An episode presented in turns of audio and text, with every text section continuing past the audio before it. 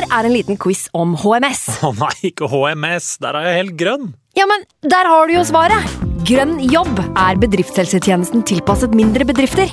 Våre HMS-eksperter hjelper mer enn 8000 bedrifter over hele Norge med alt fra lovpålagte HMS-krav til pålegg fra Arbeidstilsynet. Få på plass bedriftshelsetjeneste på grønnjobb.no. Hallo? Jeg kommer fra Oslo politikammer. Ine Jansen er purk. Er du purk? The motherfucking bitch. Alt jeg vil, er å finne ut hva som skjedde med mannen min. Jon Carew. Er jeg sikta for noe? Iben Akeli. Det er du. Ole So, Lars Berrum og Big Daddy Karsten. Hvem sin side er du på, egentlig? Anette Hoff, Tone Danielsen, Kommer du fra Afrika? Jørnis Josef, Nesten. Kløfta. Trond Espen Seim, Det er synd å si det, men det var feil mann som døde. Purk. Premiere tirsdag på TV2 Play. Nå har vi starta. Fantasy. God evening.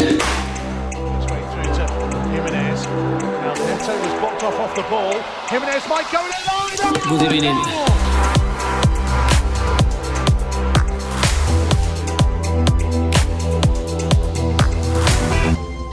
Hallo Hei. og velkommen til sesongens andre bikini- og paraplydrink-episode med oss her i Fantasyrådet.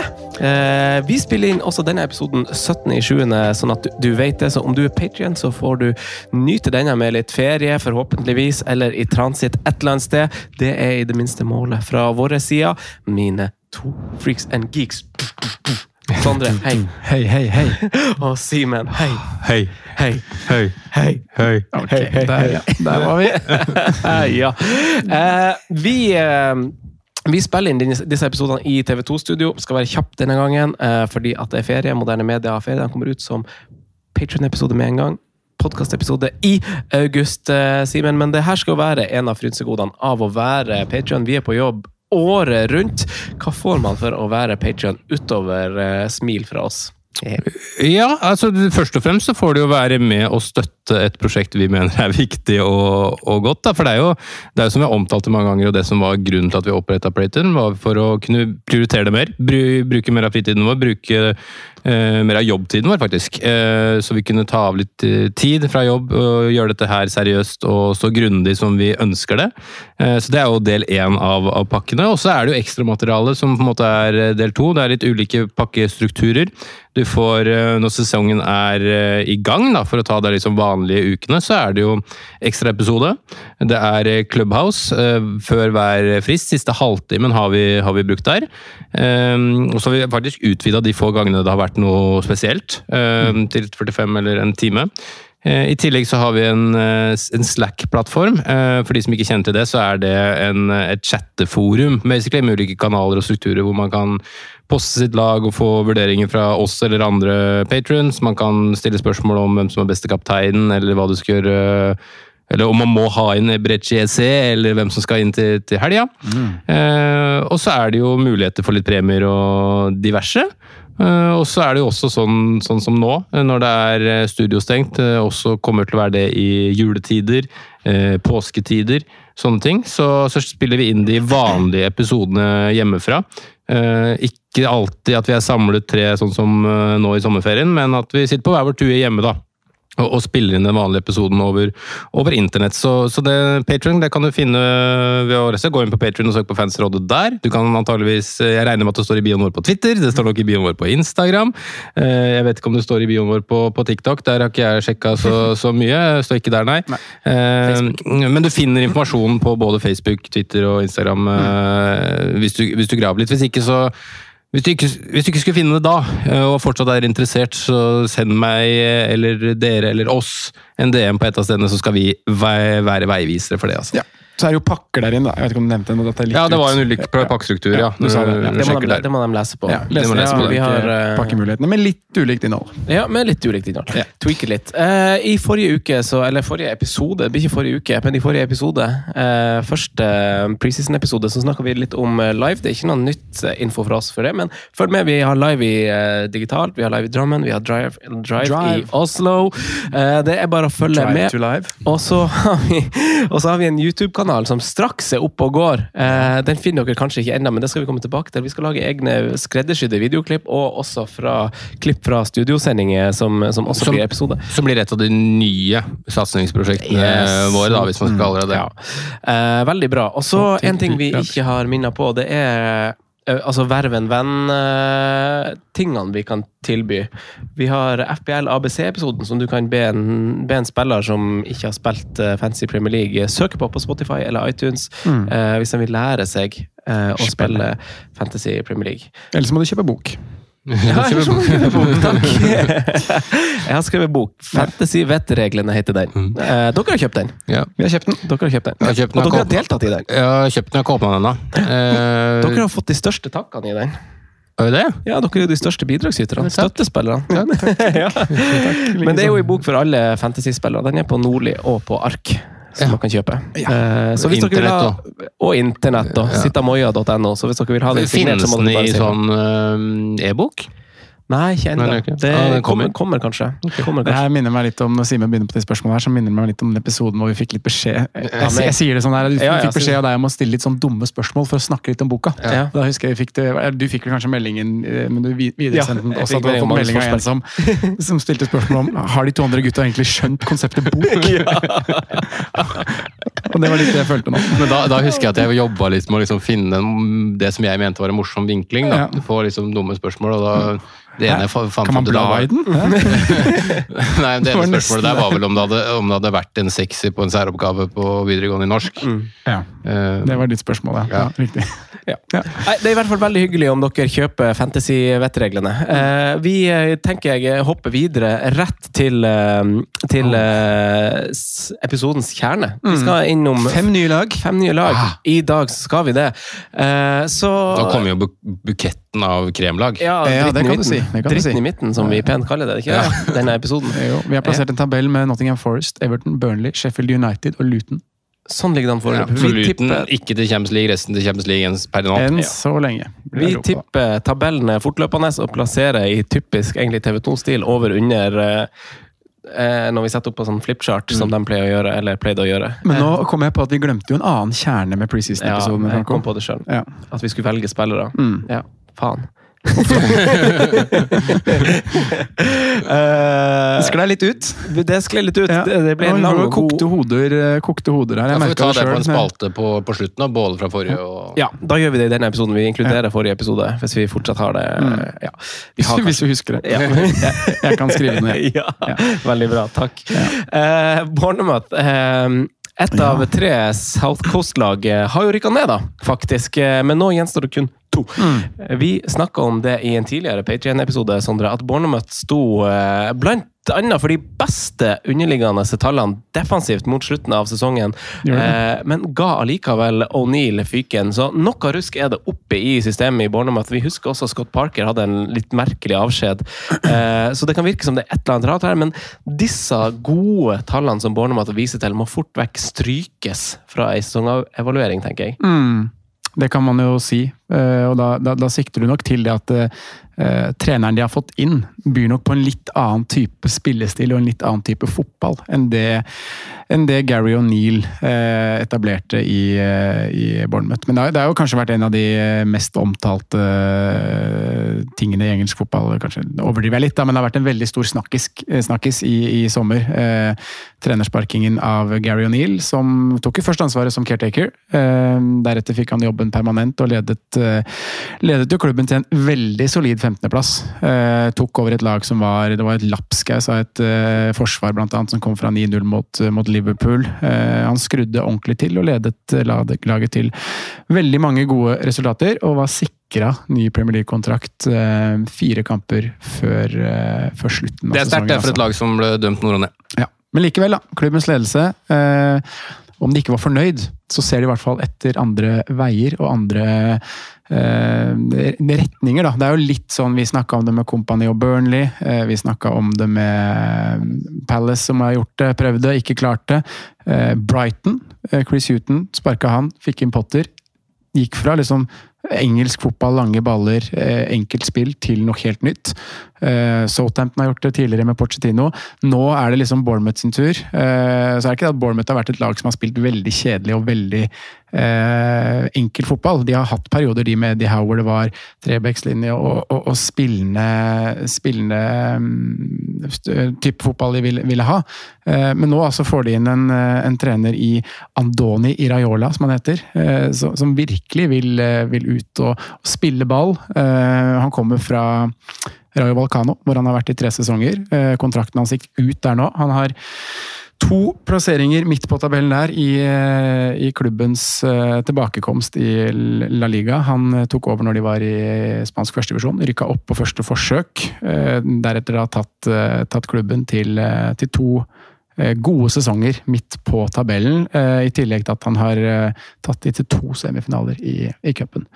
Er jo en spiller som Eller mange kjenner han jo kanskje godt fra spillekarrieren. Jo, han er en baskelegende og har over 500 kamper for Atletic Bilbao. Og med hans inntog i Premier League så blir han faktisk den fjerde sittende treneren fra Baskeregionen. Vi har Arteta, vi har Emery, uh, vi har Lopetugui, og nå da også Andoni. Arayola. Nok et produkt av en som har spilt under Bielsa, som blir trener, altså? Ja.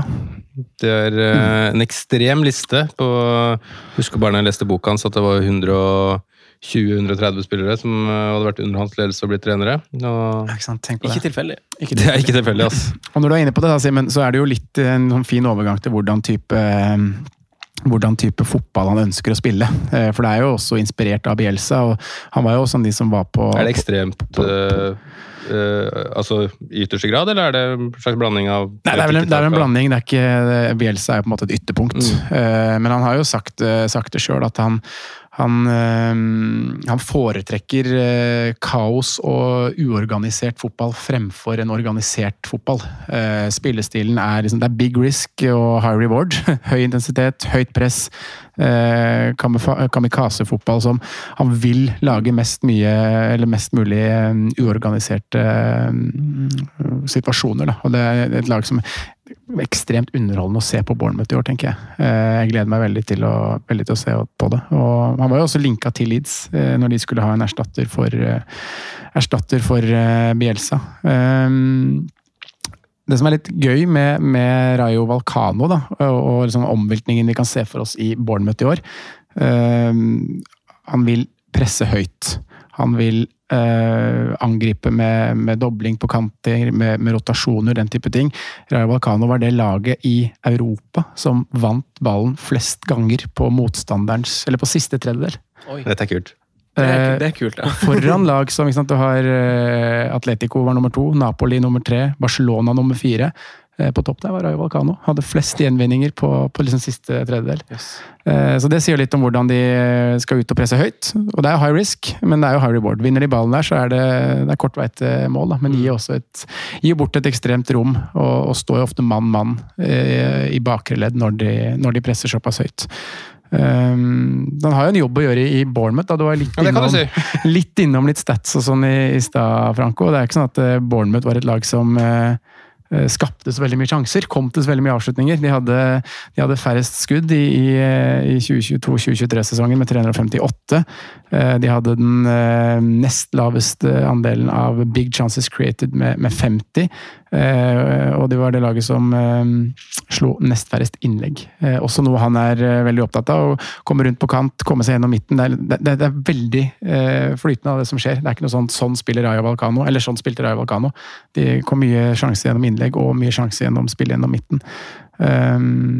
Så jeg gleder meg ekstremt til å se hvordan det her kan bli i, i Bournemouth. Et lag som kun skårte 37 mål i fjor. Eh, kun 20 skåringer på hjemmebane. Det var liksom lagene som Southampton, som rykka ned, var dårligere. Everton, eh, som vi snakka om i forrige episode, som sleit offensivt, var dårligere. Wolverhampton, som eh, alltid har vært dårlig offensivt, var dårligere. Og så var det Chelsea, da, som hadde like få skåringer hjemme, med, med 20. Eh, borte hadde de kun 17 skåringer, og 37 totalt. Det er en jobb å gjøre der. 71 baklengs, 43 av de på bortebane. Um, og selv om de var liksom sikra fire kamper før slutt, så var det lite som skilte de sånn poengmessig fra nedrykk. Altså, de landa på 39 poeng. Fem poeng ned til Leicester. Um, så det var den avgjørende rekka i april som var det som gjorde Bournemouth uh, safe, hvor de slo de slo de tre lagene som gikk ned. De slo Leicester, de slo Leeds og de slo Southampton. Og da var, um, da var mye gjort.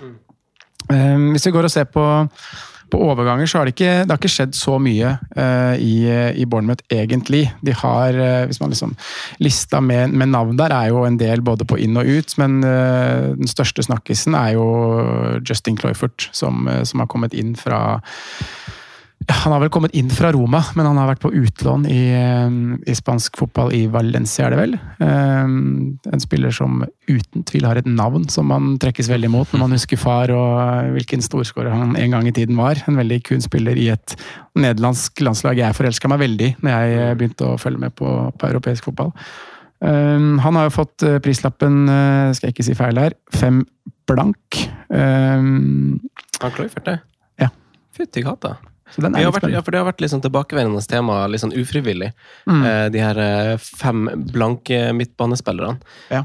Sånn, vi snakka om at det, det kan være Varpi, Burnley Brownhill, Sander. Berge. Ja, ja, ja, sant. Ja. Eh, oi, apropos. Ja.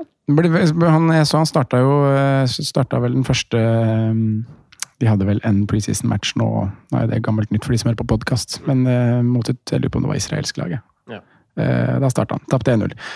Eh, Men veldig spennende å følge med på, som du sier. Da. Han har jo en historikk med å med å skåre litt mål. Han har seks skåringer på, på 1400 minutter i, i Valencia i år, da, hvor han var på, var på lån. Eh, Traoré er gjort permanent. Eh, kom jo på lån til klubben fra Sassolo i, i januar, men slet mye med, med skader. Eh, fikk vel kun sju kamper og noterte seg jo ikke for noe særlig da, men eh, har jo hatt eh, sesonger i Sassolo hvor han har skåra, eller hatt tosifra eh, antall eh, målpoeng da, på, på 1700 minutter der året før. Syv skåringer og fire sist.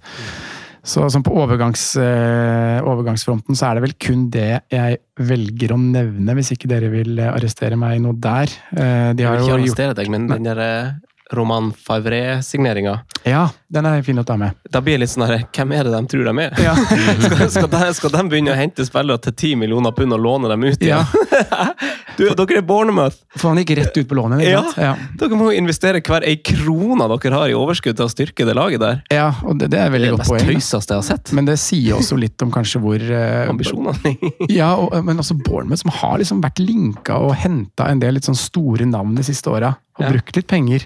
Men det at de sender ut på lån igjen, det er jo Ja. det som er det skal, nå skal de ha en framover. Klarte akkurat å holde plassen i Premier League. Nå skal Ja. vi ha en framoverretta trener, og vi skal sende ut spillere på lån som vi henter. Ja, det er veldig spesielt. Og så, er det, og så kan vi jo Men de har eh, sendt noen andre spillere ut, da, som er verdt å, verdt å nevne. Spesielt i Jefferson, Jefferson Mm. Lerma, som har gått til eh, Crystal Palace, et lag vi skal snakke, Premier snakke mer om Leagues etterpå. tyngste tap til nå, eller? Jeg tror kanskje at det kan være det, ja. Eh, Det er i hvert fall en spiller som har vært veldig solid i det Bournemouth-laget. Men uh, kan også være en spiller som ikke passer så godt inn i den spilletypen de skal, eller modellen de skal Men over jeg, jeg, jeg rater han såpass høyt at jeg er nærme å trille terning seks for Crystal Palace-overgangen. da. Mm. Bare Med tanke på, altså Da ligger jo free transfer inne i bildet, da. Ja. Men uh, jeg tror det er et, eh, et stort tap for Bournemouth. Han, er, eh, han drar på seg mye gule kort og er en Det er ikke den morsomste fotballspilleren å se på, men han er jaggu meg god. altså. Men ikke et større tap enn at det er Crystal Palace som henter den. Hvis du skjønner hva jeg Ja mener. da, han, er på jo free, han er på free transfer. Det er, ikke, det er ikke noe topp åtte-klubb som prøver å få tak i. Det er et lag som ligger i, i samme bolk på tabellen. Da. Så, men jeg er helt enig. Jeg også tenker at det, det er liksom det, det, det største tapet. tap. Jack Stacey husker jeg ble henta Mm, til godt. Bournemouth og var liksom ganske lovende da. Både han og Semura. Semura er jo altså, trodde jeg jo fortsatt var ganske lovende. Ja. Så det er jo litt sånn artig Eller sånn, hva skjer? Ja. Så må vi kanskje ta et sekund for junior Junior. Som har blitt Ja. Det er eh, en, en tidligere FBL Det er eh, den som altså. jeg håper tar eh, psykologtimer For eh, stakkars. Stakkars fyr. Ja. Nei, altså det, det, det, er det som har skjedd på overgangsmarkedet. Og så blir det da liksom spennende å se den troppen de har. da, Hvordan dette her skal settes opp, og hvordan det skal passe, passe spillere som Billing, som uh, Marcus Tavernier, som hadde en veldig god innspurt på sesongen. Uh, Når du som, nevner det, så har de spilt en til treningskamp hvor jeg tror det er ganske heavy uh, FPL Romfrosk på Twitter, og på Slack, han er Patrion også har jo lagd et kjempebra sånn preseason-system hvis man følger han på, ja. på Twitter. Så det er en grunn jo... til å bli patrion, bare for å følge ja, han på Slack. Ja, i Slack også, og det er dumt at jeg ikke gjorde det klart før episoden, men det er en kamp hvor altså Cloyfert også, tror jeg er ganske heavy involvert mm. i en del. Mm. Eh, om jeg ikke tar helt feil, så ta og sjekk det ut. Ta og sjekk han ut. Så, ja. Og Det er jo de spillerne man kanskje ser der, Det er selvfølgelig så Dominic Solanke blir jo en som, eh, som skal opp og vurderes her. Eh, ingen spiller som, eller ingen spiss som hadde flere assister enn det han hadde i fjor.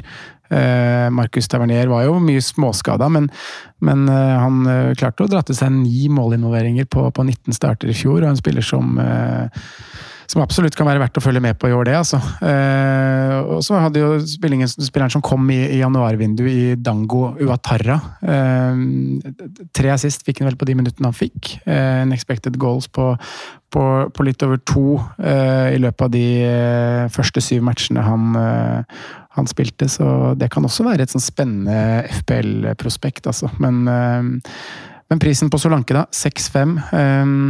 Seks skåringer, ti assist. Uh, kan bli veldig fin, da, med tanke på at uh, spillestilen her byr jo Det har vært mye innlegg og sånne ting tidligere også, men, men jo, ballen skal inn i boks i, i den fotballbornet skal spille nå, så jeg vet ikke om det er noe dere Hvordan rater vi inn forhold til Calvert Lewin og de ja. spissene vi hadde på samme prissjikte? Altså Når man ser prisnivået generelt, da, altså de andre som er liksom sjiktet, så synes jeg nesten han er en halv mil for dyr.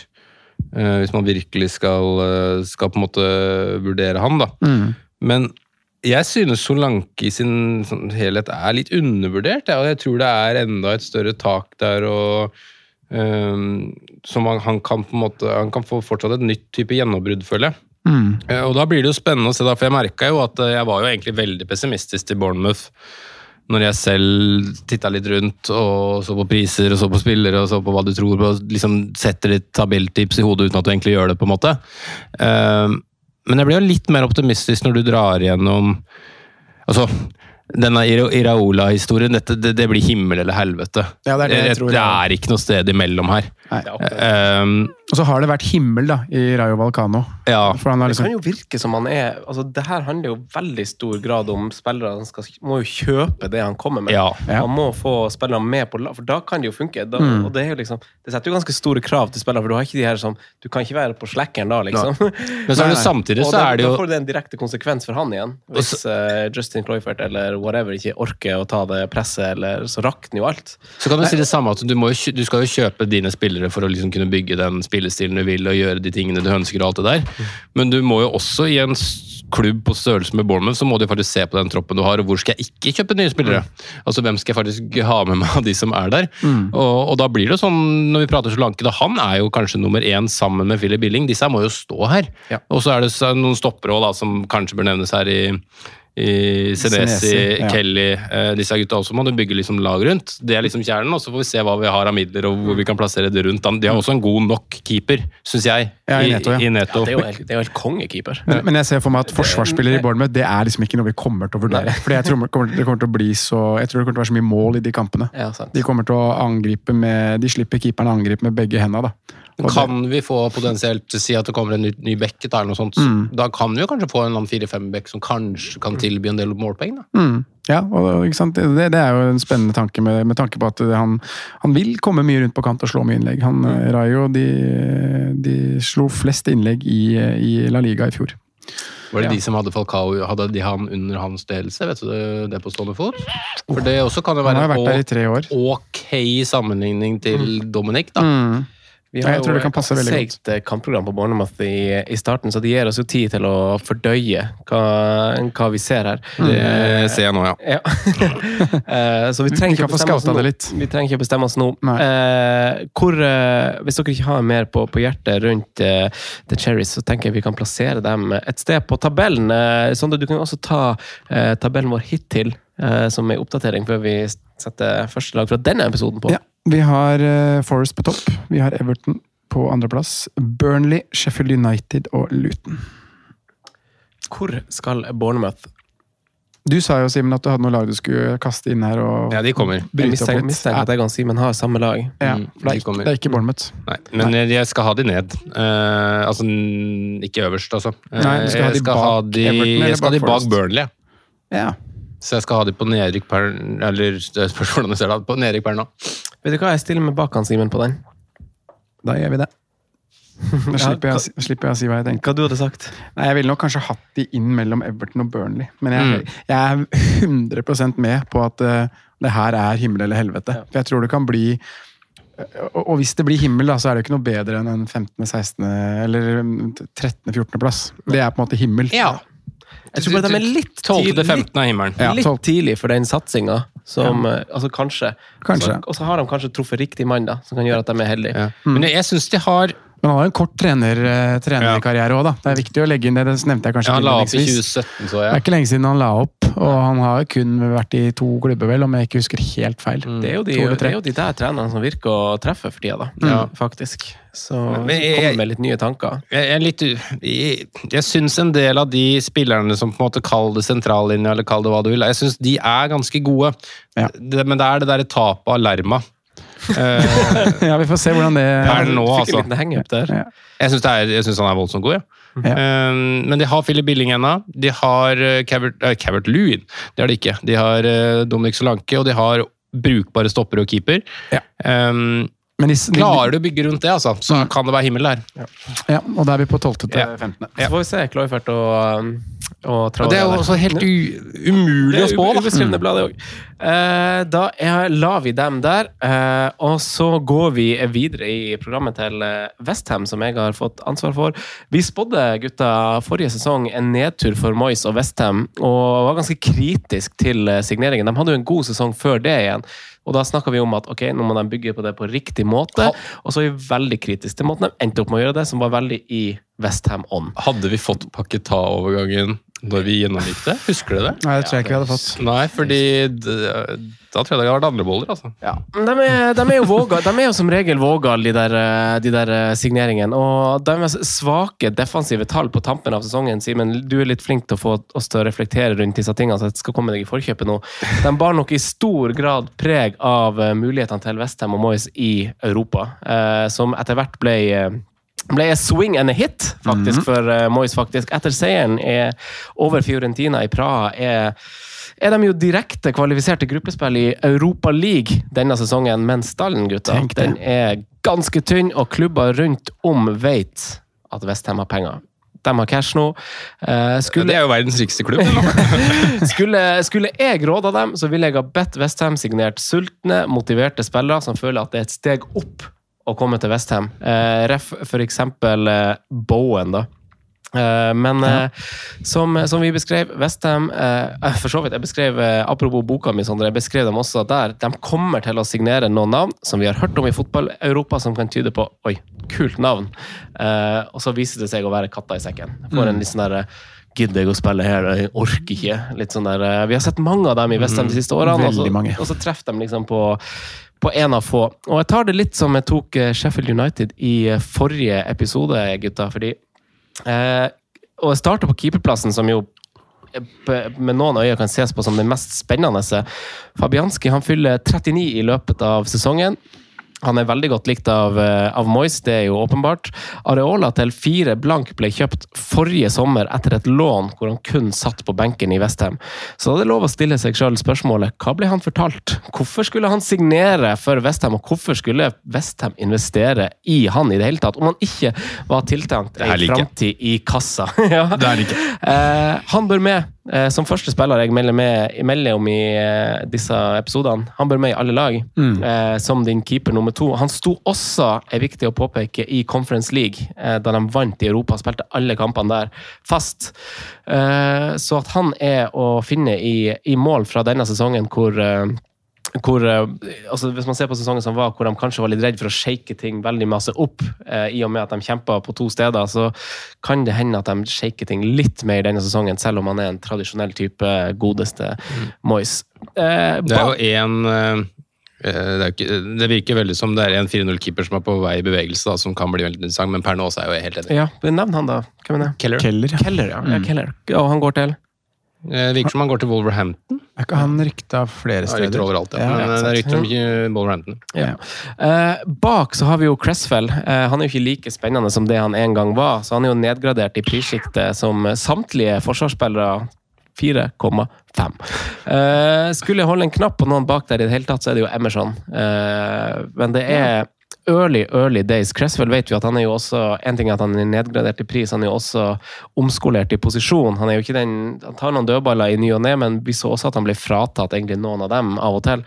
Eh, så han har mista mye av den verdien han pleide å ha, og han har vel aldri vært kjent for å være rask, men det er han i hvert fall ikke nå lenger. Eh, så det er et ganske grått forsvar, eh, kan man trygt si. Midtbane De kommer til å savne verdens beste sentrale midtbanespiller, eh, gutta. Det blir nok stort. Eh, Det er store sko som jeg ikke tror de klarer å fylle. Litt som kanskje Litt sånn frykt for at de gjør sånn der eh, Aston Villa. At de går i ei sånn felle at de skal eh, fylle to par sko med flere. Mm. og så funker det ikke helt. Og det vi lærte av det, er at ok, kanskje det går, men det vil ta tid. Eh, Å fylle, fylle en såpass viktig spiller sine sko. Eh, så de må nok lære seg å leve et liv uten ris, tenker jeg. Paketa, Så- så- Simen! Eh, Paketa han har jeg eh, valgt å ta med meg her, og det syns jeg var 100 verdt det. Og han ble jo, etter min mening, og kanskje deres mening òg, ble holdt tilbake for mye i et ganske rigid system. Og som han eh, Kanye West synger, 'Bird can't fly in a cage'. Så han eh, Nå er vi i gang. ja, syns ikke det sitter fint, da? Si fint, da. Å bruke en så kreativ og fargerik spiller på den måten han blir brukt, er jo eh, på grensa til eh, tjenesteforsømmelse. Ja. Uh, så, det, så, så ser det ut som Fantasy Premier League eh, vurderer Flynn Downs til å være spilleren som skal inn og ta rollen der, i og med at han har fått prisen av fem. Uh, men det er jo helt umulig for oss å si. Det er en ung, ung og lovende spiller som fikk mer og mer minutter etter hvert som sesongen gikk. Uh, Bowen til 7,0 vil alltid være spennende. Eh, og, Ja, han er billig i år. Ja, eh, og kanskje med rette. Kanskje med rette. Ja. Eh, samtidig som Ben Rama og Corné er jo spillere som, som har sine perioder. Vi kan la oss lure. Eh, men det er vel da, når vi kommer i de situasjonene, at man faktisk bare skal ta Bowen. Bare, bare sånn spill trygt. Eh, de som hører på Patrion, har jo kanskje hørt litt nytt. Kanskje Skamakka har gått en plass. Eh, men han er per i dag Westham-spiller. Eh, det skulle ikke forundre meg om han er et annet sted når denne episoden er en uh, podkast. Men eh, Personlig så ble jeg jo positivt overraska over han i fjor da jeg så han spille. Han var god, i, god med ballen i beina, sterk under press. Klarte seg ganske fint, egentlig. Eh, men tydeligvis ikke det nok for, uh, for Moyes. Eh, han koster 6-0, det samme som Antonio og Ings. Og for meg er det jo ganske uklart per i dag hvem det skal satses på denne sesongen, selv om Dersom vi bare ser det på forrige sesong, så er det jo ganske klart hvem, hvem han prioriterer. Men Antonio han skårte kun fem mål i eh, Premier League-sesongen som gikk, og hadde en XG uten straffer på 6,61. Uh, Shay Adams var en av mange spillere som hadde mer. ja. Så, Du drar fram Che Adams. Ja. uh, så, så jeg måtte ta fram Jay. Uh, så det er, det er jo det har vært et grått offensivt år eh, for, eh, for Westham-sesongen som gikk. Um, og hadde det ikke vært for europeisk suksess, om man kan kalle det det, ja, det må man faktisk, faktisk få lov å kalle det. Eh, Finaleseier er vel ja, suksess. Ja, det er det. kan jo si ja. så, så, så skjønner man Så er han kanskje litt eh, Litt tilgitt, men det var nok mange som ville ha Moyes ut på et tidspunkt av forrige sesong. Eh, og det som er litt ekkelt med, med Westham, er at de har tre bortekamper sine første fire. Kun mm. Wolverhampton og Forest, som du har vært inne på, Sondre, skåra færre mål på reisefot enn det Westham med sine 16 gjorde. Så, så det vi skal huske, er jo å ha, eh, ha Da må vi ha forsvarsspillere fra lag de møter. da. Det er jo Bournemouth, Luton, Brighton. Bare få deg inn i rotasjonen. Der. inn. Ja, ja. Der har vi jo Sinesi, vi har Stupinian og vi har jo Ja, Bell. Så det er jo klink, det. For en, for en rotasjon. Eh, og så klink inn dem som møter Wolves og Forest hjemme òg, så har vi jo billigforsvaret der. Trenger ikke noe premium, vi. Bare Trent og resten bare billige. eh, men med Westham så er jo egentlig Vi trekker to strek under eh, vent og se, gutter og jenter. Ja. Det, Mm, er, det er et lag som, eh, som kan, kan bli bra, og så har de en start som eh, Akkurat som Bournemouth vi var inne på, tillater oss å, å vente litt med eh, og se. Så jeg har ikke ikke planlagt å ha noen Westham-spillere på, på mine lag, men gjerne fyll på med info, eh, Simen og Sondre, dersom Ja. dere skulle ha. For, et, for et wildcard, sier bare jeg. For et wildcard det Westham-laget er. Ja, Det er helt, um, jeg bare sånn, når du ser på stallen og, og spillere på midtbanen her, så vi sitter her hvert år, da. Og det er som du sier, de henter inn eh, kule navn og navn med, med erfaring og med talent, som liksom skal til Westham for, for å ta klubben eh, det neste steget. Men så For hver paillett så er det ti Haller. Det er noe med det. Altså, Det er så mange av de. Men eh, nei, jeg syns det er helt eh, Jeg er veldig usikker på hvor dette her går hen, og hvordan de kommer til å, kommer til å se ut i neste sesong. Altså, du er jo- Europa League skal de vel spille litt av i år òg. Du er jo inne på nøkkeltingene her, da, Franco, med, med et Westham som har uh, solgt uh, i hvert fall verdens dyreste DM uh, til, til Arsenal. eh, og de har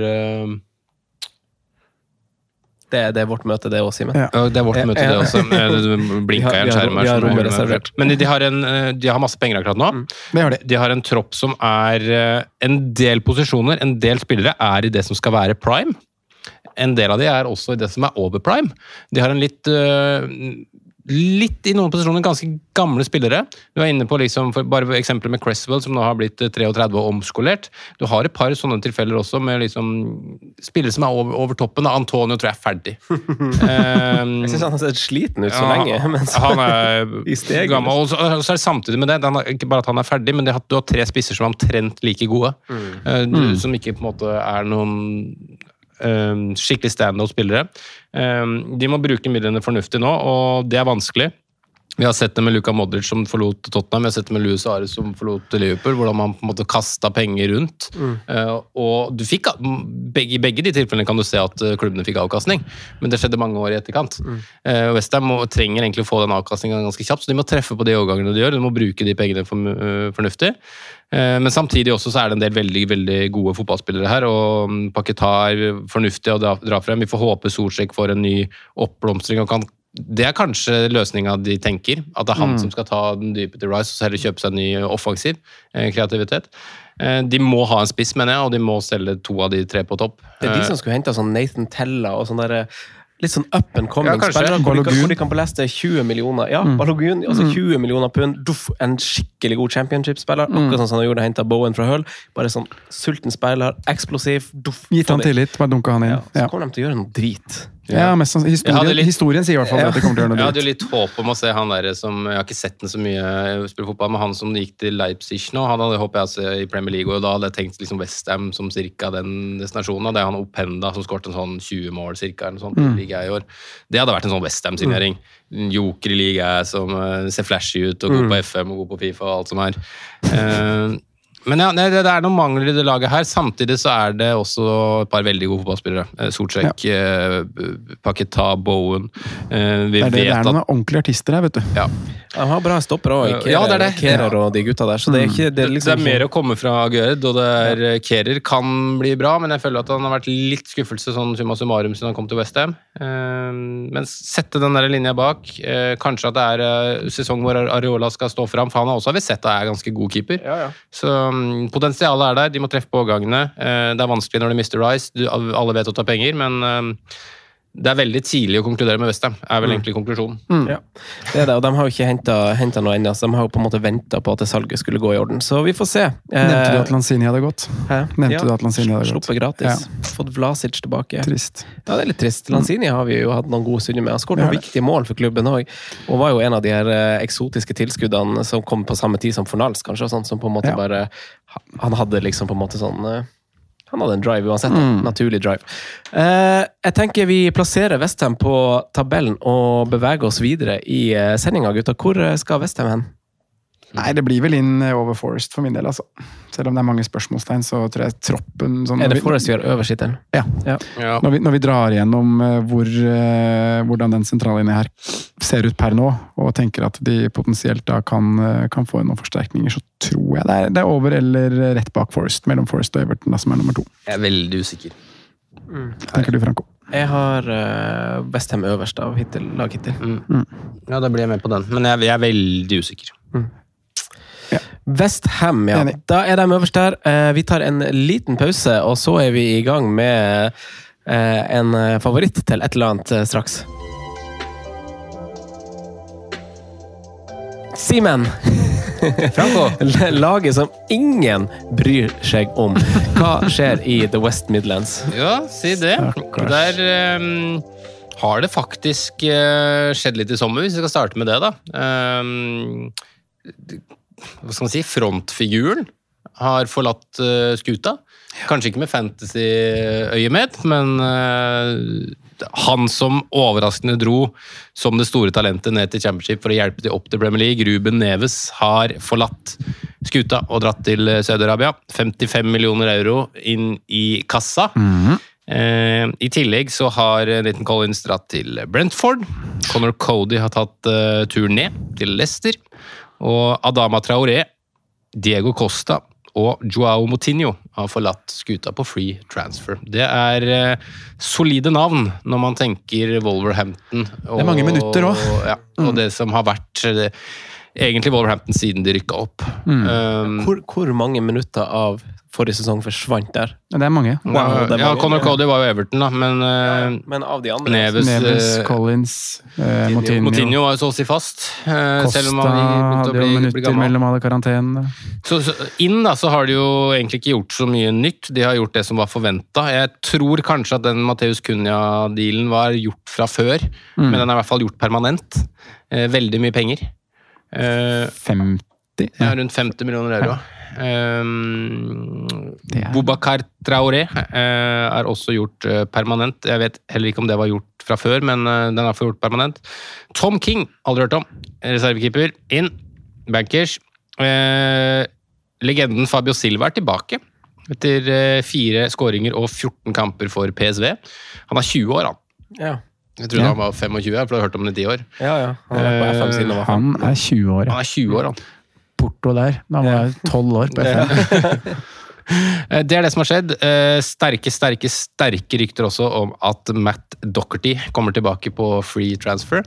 Eh, Det er litt sjarmerende, da. Det er sjarmerende, faktisk. Ja. Ikke sett at den har um, Here we go. Here we go, nei. Helt riktig. Det er også rykter om at eh, flere stoppere forlater, og at Killman er på vei til Napoli, som Mm. erstatter Kim In Jia. Um, Det der er så rar det er- kuriositet. Hva, er, hva gjør at de øremerker Killman for, Nei. for erstatteren der, og hvorfor er liksom ikke i så fall Altså, de vant Serie A overlegen supergod, så er det sånn at ingen Premier League-klubber er interessert, men Napoli skal, skal liksom inn der og Agent, agentbusinessen som styrer det. Ja, det kan det er så masse vi ikke vet. Det er jo veldig, Jeg vet ikke akkurat hvordan det er med Killman. Da. Det er vel veldig mange i den troppen til Wolverhampton som er linka til Gestifute og Jorge Mendes-kjøret, da. Det er det jo. Eh, Jeg har skrevet soleklart at de må forsterke på spissplass, og at de bør kjøpe seg en utpreget god offensiv spiller, da det er veldig mange i samme kategori. Eh, Ja. eh, rating, eh, ferdighetsnivå. Eh, og så har jeg skrevet en veldig kul sammenligning her fra de gikk opp. Eh, eller fire siste sesongene. 18-19, sjuendeplass. Målforskjell 47-46. Ett plussmål. 1920, sjuendeplass. 51-40. Tre- eh, Bra år. 2021, trettendeplass. 36-52. Fy fader, det er lite skåringer. det. Og da i fjor eh, Nei, forrige fjor. Eh, Tiendeplass. 38-43 eh, i målforskjell. Og så var det da i år, som jeg jo har omtalt det da, nummer 13 31-58. eh, og da 11-8-19 eh, i kamper. Så det er 31 skåringer. Altså, den formku... Altså, formkurven ble feil, men den stigningen du skulle ha, det lokomotivet som skulle rett inn i Champions League Champions League 2020, hva var det var for Ja, var ikke det nå? 25? Ja, fem år- 24? fem år. 25? Ja, fem år. Det kan gå, det. Eh, Det kan gå, men den kurven peker feil vei. Ja. Eh, Jeg synes eh, de har røra det litt til med å kjøpe spillere som egentlig ikke er bedre enn det de har, eh, ofte. Eh, Det er jo dyrespillere også, som regel. Eh, Tatt litt sjanser som toppklubb... Og det har vi pratet om før òg, at de må ta de sjansene som toppklubbene ikke tar. Mm. man- Han der Nunis er et godt eksempel på det, som har vært linka øst og vest til f.eks. Liverpool. De tar sjansen på det. Har ikke vært Bare et, tok bare et tilfeldig lag. Nei, men det var det sterkeste. Tok ikke han ta, kan jo ta Cunha òg, da. Som, selv om han dro til Atletico Madrid først, eh, også vært rykta til større klubber, men de må liksom ta sjansen på at ok, det er et ufølgelig potensial der. Potential. Eh, jeg har ikke sett heller at det på en måte er stjerna som skal, skal ta over der. Og det er liksom i den miksen hvor jeg mener at det er mange som er like, da, like gode, så har du liksom Podens, Neto, Guedes, Arabia. Eh, He, he. Hichan. Eh, og nå begynner også Raúl Jiménez å, å, bli gammel. Han har faktisk prisa til 5-5. Det er jo morsomt for oss eh, fancy nostalgikere. Mm. Eh, og så er det jo, var de uheldige med han der som knapt fikk minutter i fjor, da. Den var dyp. Eh, Sasa Kalajic. Eh, som Det var vel ikke beinbrudd, men han han fikk 45 minutter, han som var ute resten av sesongen. Det var uh, utrolig trist i fjor. Um, 0,27 i XG på de 45. ja. Der er du det. Veldig tøff åpning, med tre borte på de fem første, noe som inkluderer at de skal møte også Liverpool på den ene hjemmekampen, og de skal til Old Trafford allerede runde én. Um, et lag jeg, jeg begynner å bli bekymra for, men jeg også forventer at det kommer til å være mer action på overgangsvin- overgangsvinduet før det stenger. Mm. men jeg er veldig usikker på hva de gjør, og hvilke sjanser de tar, hvor de selv føler at de må forsterke. Og om de treffer. Om de treffer. For det er jo det som har vært problemet, som det, du har sagt noe så fint. Ja, de, jeg føler de selger de som Hvis de selger Killman nå, så selger de alle bærebjelkene som er trygge. Og da står de med et veldig sjansespill. De har jo fortsatt Dawson, da, som er trygg og god. Og, eh, er den, han, men de, de selger veldig mye av stammen og rutinen sin nå, føler jeg. Eh, plusset her, da, i det som kanskje er, har vært en litt sånn trist, mørk, kjedelig intro av Wolverhampton, er jo Lopetegui, syns jeg. Eh, som virker og fremstår som en veldig solid lederskikkelse. da. ja. De har, jo, de har jo eh, Jeg ser at de har jo et, De var et veldig, eh, veldig godt De var ikke veldig godt på noe som helst, men de var jo eh, altså ganske åpenbart hjemmelag. Litt sånn Forrest, egentlig. De hadde rykka ned på bortetabellen. Skårte kun tolv mål på 19, så det er bare ett mer enn eh, En Forest eh, Forest, ja. Så det er jo veldig wow eh, dårlig. Og av gjenværende P-lag var det ingen lag som slapp til flere skudd i boks enn det Wolves gjorde på tampen. Kun Chelsea, faktisk. Utenom de nedrykkede lagene hadde verre expected goals conceded eh, enn enn det Wolverhampton hadde. Og så, og så har de jo også Tre av de første deres fire kamper er jo også borte. Så, så jeg har liksom skrevet på, på siste, siste haka, for mens jeg satt og gjorde den researchen, og mens han Simen prata nå, skrev jeg liksom på det eneste sånn notatet jeg har på det, sånn, jeg tipper dem ned. Oi. Det blir liksom eh, årets sånn der, eh, Oh. Southampton Ja, da- fra vår side. Da smeller det jo bobla mi allerede, da, med liksom tabelltips og de tingene der. Eh, jeg også skal ha Wolverhampton langt ned. Åh, du snakka meg litt bort fra det. Jeg trodde du begynte å få troa på det. Nei, nei, nei. Nei, nei, nei, du skal det, ja? Okay. Men, men du må, altså, når man legger fram et lag, da, sånn som her, så skal man jo prøve å være litt form for jo og, og de tinga der. Men man må jo på en måte også være litt sånn kritisk og re realistbevisst i forhold til hva som har skjedd. da. Eh, og det er jo derfor jeg sier også at jeg forventer at det skjer mer i det omgangsvinduet her nå, for den stallen som er her nå, uh, med motgang i starten her nå, så er, er, er ikke det en tropp med ryggrad i det hele tatt. Det er, eh, vi, har, vi har sett det så mange ganger nå med Podens, Net og hele den rekka offensivt, at hvis de havner i noen sirkel, så er det ikke mål i dem. Eh, og på det beste, altså Per og Neto på sitt beste, er jo fantastisk å se på, men, men det skjer så sjeldent. da. Nå har Riktignok har vært mye skader, og jeg skal ikke sitte her og hetse Pedro Neto, men øh, jeg, jeg, jeg tror dere er enige og skjønner hvor jeg vil. Ja, helt enig. Det er mye nesten. Ja, var derfor jeg snakka litt opp Everton, egentlig. Jeg vet at det ikke er episoden om Everton, men fordi Wolverhampton, For skal- Forest og et knippe andre lag har en sånn utrolig seig start. Jeg tror vi kan se Wolverhampton, Forrest, og så tror jeg jeg glemmer et lag som bare liksom etter fire-fem kamper kommer til å stå med ett poeng, to poeng. Eh, og så har Everton kanskje litt sånn De kan være velsigna med å ha et litt godt poeng, og det er jo sånn flyt man kan dra med seg eh, i større grad, og så kan det liksom motsatt effekt dytte deg liksom skikkelig liksom ned. At de tapene og den tøffe sesongstarten bare liksom gjør at du bare fortsetter å tape. Så Nei, jeg frykter for Wolverhampton. Derfor har jeg dem eh, Hvis jeg skal tippe tabellen, så har jeg Luton, Sheffield United under, og så Ja, det har Skal du, så ha, langt, ja. skal du, du skal ha de inn eh, mellom Bournemouth og Sheffield United der, da. Ja, Ja, jeg skal ha på foreløpig 18.-plass. blir det jo. på Jeg følger deg, deg, Altså, ja. Ja. Men hvor har du dem? Da spørs det litt hvor langt opp eller ned du har dem. Sånn. Ja, for så vidt. Hvis jeg hadde lagt de inn på en uh, topplassering nå, da, over Westham her, så hadde vi vel måttet måtte dra de litt opp. et visst eh, Men uh, nei da, jeg følger jo, følger jo egentlig det som har blitt sagt her jeg nå. Så jeg, jeg syns jo den, den vanskeligste bolka Eller noen, de to lagene som kanskje er vanskeligst å plassere her, er Burnley og Bournemouth. For det er, det er lag som eh, som Burnley kommer opp med en helt ny spillestil. Bournemouth skal ha en omveltning nå i sommer. så jeg, Bournemouth er jeg veldig skeptisk til.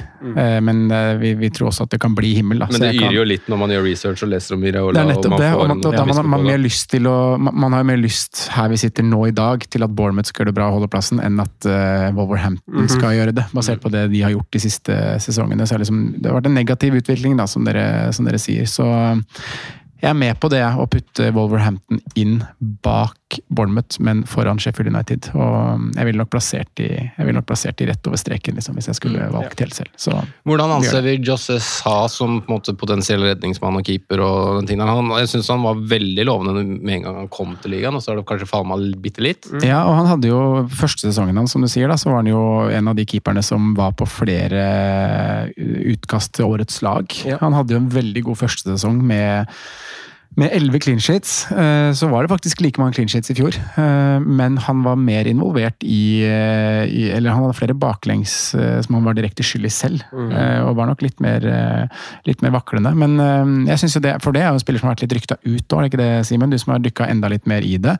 Hvis Keller Kelleher er rykta ditt, så er kanskje han ja, for det er det som kanskje har vært litt eh, triggeren til at de skal hente en ny keeper. For hvis, for hvis de henter Keller nå, så, så mener jeg fortsatt at José Sa er et bedre valg enn Keller. Mm. Uh, så jeg, jeg Det vet jeg faktisk ikke, om Nei. på en måte den er tiltenkt uh, som direkte erstatter fordi han er på vei ut, eller om han kjøper den hardt på benken en sesong og så, og så på en måte satser på han videre. Men en av grunnene til at Keller vil forlate, naturlig nok, Mm. eh, eller i hvert fall jeg vet ikke om han vil forlate, men at han ryktes ut og sånne ting, er jo pga. spilletid. Mm. Han er jo en opp, um, up and coming keeper, på en måte, så han må jo finne seg en klubb hvor han står fast. Ja, han må det.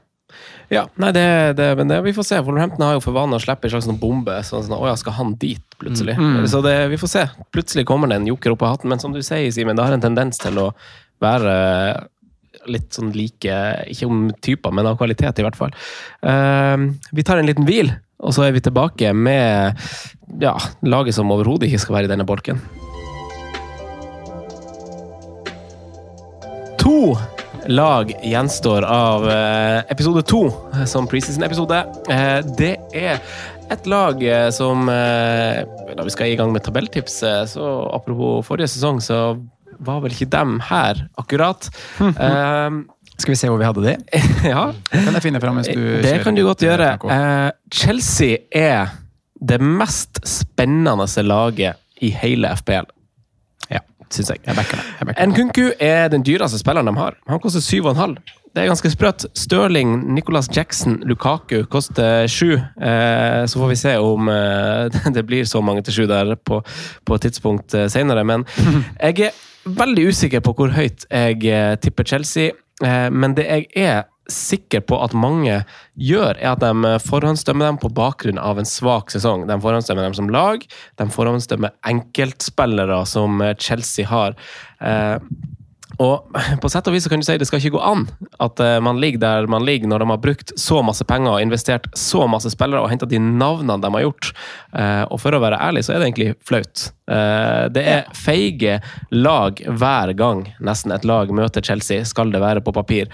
Eh, Men Sondre, du sa det fint på, på en, eh, angående et annet lag i stad. Eh, det er fint å se at det fortsatt er andre måter å vinne på enn å splæsje cash og hente inn masse masse nye navn.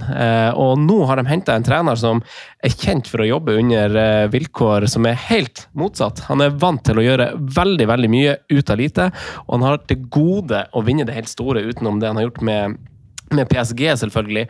Og jeg vet ikke om han gjør det nå, men jeg tror en rekke spillere i Chelsea kommer til å blomstre når det er han som får ansvar for å vanne dem.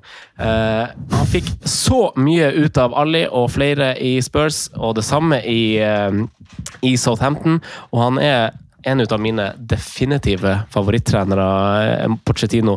Litt fordi at han har hjertet på rette staden. Han er et godt menneske og en god pedagog. og eh, han ser spillere, han ser personer. Og hvis man har sett eh, Dele Alli sitt intervju, så er det en slags bekreftelse på det. Uh, og kanskje, kanskje, noen har sett det i løpet av sesongoppkjøringa, hvis man hører det her som podkast. om ja, men uh, jeg tipper i hvert fall at det blir helt rå verdi i noen av de her offensive spillene deres. Vi må bare identifisere hvem. Kanskje vi klarer å, å komme folk i forkjøpet der. Kanskje vi får noen tegn på preseason tour osv. Uh, og det kan godt hende at vi kommer til å starte med en på tross av en litt seig åpningskamp. Kanskje til og med to, hvis vi skal dra Westham borte inn, inn, i den. Så kanskje man kan vurdere å observere et par observerekamper, men det kan også være at vi blir overbevist gjennom sommeren til at her er det verdi. For de seks kampene etter det er nesten for godt til å være sant. Nå har ja, det er det. og nå har Chelsea lagt bak seg en helt krise hjemmesesong, det skal sies. Noe jeg antar er first order of business for eh, Pochettino og det nye teamet hans. Og, og vise at de kan og bør vinne mer på broa. 15.-plass på hjemmetabellen med fattige 2019 i målforskjell. Eh, det er åpenbart der eh, skoen trykker på, på veldig mange måter. Så jeg tenker at vi, vi tar, tar laget, gutta. For det er spennende. Og vi må huske det at det her er spillere da de kom til klubben, var vurdert til supergode signeringer. Store navn. Mm. Og så blir man glemt pga. en dårlig sesong. Og så er løsninga til veldig mange fans, ikke, det er uavhengig om det er Chelsea eller ikke, er at man må kjøpe nytt. Ja. Man må minne seg på at de her spillerne er gode.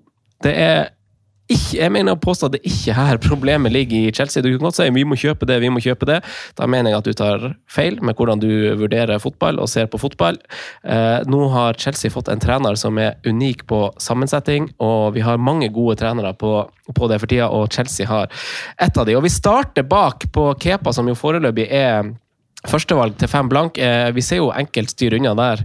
Ikke fordi han er ræva, men fordi du heller kanskje ønsker å gå inn i Forsvaret hvis du skal ha defensive poeng inn i Chelsea. Eh, du ønsker deg noen av de blå trøyene som kanskje først og fremst ligner på Brasil sine bortedrakter. Litt sånn rar eh, drakt, den nye heimedrakten til Chelsea. Men det passer jo kanskje greit, ettersom de hovedsakelig høster spillere fra Brasil om dagen. så Lar tida vise om eh, Andrej Santos er en ny Ramires og Angelo er en ny eh, William på kanten der. Men eh, det får som sagt tida vise. Fordi bak så er det spennende. Vi har Louis Hall. Han hadde vanvittig gode tall når han først spiller, og han er ikke den vi skal nevne nå, for dette er først og fremst en fun fact. På sine seks siste kamper var det ingen forsvarere i hele Premier League som skapte flere store sjanser enn han, samtidig som han hadde fjerde mest berøringer i boks. Eh, så det er som sagt først og fremst en fun fact, men de har fire-femforsvarere i bøtter og spann. Colwill, eh, som de veldig gjerne ønsker å beholde. Badia Chile, fire-fem. Fofana koster alle fire-fem. Eh, altså, to av dem er dyre investeringer. Den ene er lokal, jo kjempelån i, i Brighton i fjor, så det er en grunn til at de ønsker å kjøpe han tilbake. Eh, kanskje det er noen større klubber som egentlig burde ha meldt seg på Colwill-greia. Kanskje noe Liverpool eller noe sånt. Snacks. Få seg den venstrebeinte, deilige stopperen mm. der. Eh, men de kan uansett spilles klink fra runde tre. Spill den fire-fem-forsvareren, la han stå. Akkurat sånn som Botman, vi snakker om han når vi kommer til han, fra runde fem. Bare la stå.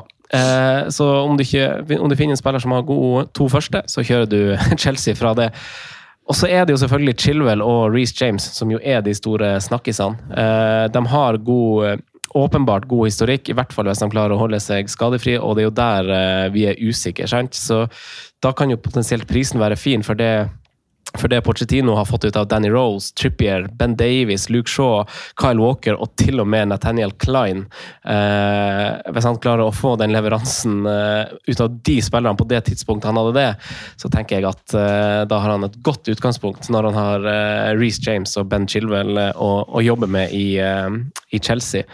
Så de backa pleier tradisjonelt å levere godt for Pochettino. Han bruker dem aktivt, så, så tenker jeg skal egentlig la den ligge der. For det er verdi på fire-fem-forsvarere, og så er det potensielt kjempeverdi i, i wingbackene i Chelsea. på midten det er jo der, kanskje der det er mest spennende, for der har jeg notert meg Madueke, Modric, Stirling selvfølgelig, og kanskje et wildcard i Hudson Odoi dersom Pochettino får litt orden i sakene der, for han har vært linka litt hit og dit. Eh, og mange har hatt knalltro på han tidligere, og Pochettino har jo pleid å få pleid å finne sine menn, som man kanskje ikke ser helt for seg at skal bare bli skikkelig god, og så bare blir de det. Eh, så her er det, tror jeg vi godt kan ende opp med å ha én eller flere på et eller annet eh, tidspunkt. Uh, og angrepet er selvfølgelig spennende, det òg. Nkunku og Jackson er jo inne i varmen. Lukaku i kulda. Først Det er litt sånn stusslig. Hvem tror dere bestemmer? Altså, tror dere bare Pochettino har fått beskjed om at liksom, når han kommer, Lukaku skal selges, eller tror du Tror ikke liksom ja, Det der er jo en ellevill saga, hele Lukaku-greiene. Nå går det jo rykter om at han ringer rundt for å høre ja, ja, hvem som vil ha han, på en måte. og det er litt sånn trist, da, for han var jo Altså På sitt råeste så var han jo helt fenomenal. Mm. og så var han liksom sånn generasjonsspiller, for han var ganske ulik veldig mange av de andre spissene i, i verden. da. Mm. Um, men jeg tror, ikke, jeg tror, ikke, vi ser han i Chelsea neste sesong. Nei. I tillegg så har de jo Aubameyang, som vi sikkert heller ikke ser der, og eh, Broya, som Simen du, du, nevnte som en spiss til fem blank, som muligens kan luske litt i sivet på et ja. tidspunkt. Ja. Kan være. Muligens. Det er, jo, det er jo per i dag litt mangel på, på rene spisser. Du har jo Jackson, da, som mm. jeg skal kan ta litt på han. Han har jo en utrolig god fysikk. 1,88 høy, rask. Eh, et godt utgangspunkt for, for veldig mange. Eh, han var mye skada og mye på benken før det egentlig eksploderte forrige sesong. Mm. Han har jo bare tre kamper eller noe sånt for uh, Senegal. Han er født i 2000, så han er jo kjempeung. Eh, elleve målpoeng på de siste åtte kampene for Villarreal uh, i La Liga. Så det er, jo, det er, jo, basert på det man i, stor grad sikkert henter han. Han er født i 2001, forresten. Jeg tok mm. feil. Så han er Uh, man, er, man, er, ikke kjempeung lenger når man er født i 2000, nei, 2001, sånn er, det, sånn, er det, sånn er det kanskje blitt. Han er 22, men, 22 år. men det er uansett et mye mer lovende og spennende kjøp mm. enn det jeg har sett de har drevet med under Bowley. Mm. Du kan si at de henta Mudrik og en del sånne spillere som var på folks lepper med Enzo og sånn også, men de henta også Aubameyang og det er masse sånn tøys også. Mm. Eh, så det er et litt sånn framoverretta kjøp som jo også kan vurderes til en sjanse. Eh, jeg hørte en podkast med Petter Wæland, og han omtalte den overgangen en del som på en måte en av de mest spennende mm. Eh, i, i, Premier League. Og, og det er, men det, det, er jo på en måte både for og imot her, da. Altså liksom hva man tror, hva man har sett, hva er erfaring og sånne ting. Men det var liksom Han var på en måte så å si ingenting på mm. høstsesongen, og så eksploderte det virkelig på vårsesongen, hvor han til tider var et angrep alene. Mm. For en råskap og fysikk og de tingene du, du nevner. Uh, så går det an, å, sikkert an å finne Jeg husker ikke hvor akkurat det var. Jeg lurer på om det kanskje var TV2 podcast, nei, TV2 Viaplay sin, sin podkast. Mm. Uh, så man kan sikkert finne det, men, men uh, det er jo ankepunktet, da. Eh, hvis man skal på en måte, Nå har du vært veldig, på en måte, veldig positiv intro, det er jo riktig med, fordi du vinkler det også med prisene, eh, som på en måte er det essensielle for det vi snakker om her. Men det er jo ankepunktet her også. Det er ekstremt mange omveltninger på kort tid. Mm. Eh, det er spillere som på en måte ikke har Veldig mange av de som kommer inn, har ikke bevist noe over tid. De har vist det på en halv sesong, én sesong. Mm. Eh, de har også kanskje noen av de vist det på et lavt nivå. Mudryk. Um, han har vært i Champions League, misforstå meg rett, men han har spilt i på en måte ukrainsk liga, vel? Mm, Sjaktar. Um, um, så veldig mye usikkert, men også veldig veldig mye spennende. Og nå har de jo, i tillegg til at de kjøpte ekstremt mye i fjor, så har de jo solgt ekstremt mye nå, da, og kommet seg innenfor disse FFP-reglene med god hjelp av Arsenal, Manchester United og Manchester City og Saudi, altså Milan. Mm. Det er vel en god oppsummering. Ja. Som har redda de ut fra den knipa der. Så vi får se hva de gjør. Jeg tipper de kommer til å selge litt mer og rydde litt mer i stallen. og Uh, er nok litt mindre optimistisk enn deg med tanke på Pochettino inn og den troppen som er der, men det er jo det er helt spørsmål om man legger lista òg, ikke sant? Det, det, er akkurat det. det jeg, skal, jeg, skal, jeg, skal, ikke si at det er noe sånn topp fire Nei, for der legger jo jeg lista. Ja, mm. og, det, og, og, det, er fair, og det tenker jeg på en måte skal være et slags mål også. Uh, til slutt så har vi jo en Nkunku, som er egentlig innleda med, som, har, som, jo har vært klar lenge, og et kjent navn for mange. Og han er megaspennende. Et kjent navn for Pochettino òg. Ja, sant. Og da jeg dykka litt inn i det, så Er ikke det? 16 mål og 6 målgivende i Bundesliga denne sesongen på bare 25 kamper. 20 mål og 15 målgivende på 35 før det. Eh, det er en spiller jeg mener vi burde vurdere fra start. Han hadde 90 målpoeng på, på 170 Nei, shit, nå jeg tror jeg skrev feil i notatene. For jeg husker tallet annerledes enn det jeg har skrevet. Men eh, på Bundesligakamper 90 målpoeng stemmer i hvert fall. Han trives jo best som en slags falsk nier, eh, ifølge han sjøl, eh, om han bruker FM-terminologien. Så jeg er veldig spent på hvordan Pochettino legger opp der, og jeg tror kanskje ikke Det er vanskelig å si, men det er vanskelig, det er vanskelig å si om Jackson er bankers i laget fra start, eller om han fases litt inn, litt fordi at han er ung og lovende og har Vi er veldig usikre. Så, Mm. så det er veldig mange uh, utrolig spennende navn. Og som du antyder, Simen, det er jo ei sammensetning her som må gjøres òg. Så det her er jo ikke løst over, over en dag eller ei uke. Det her er det ting som må Needs time to gel.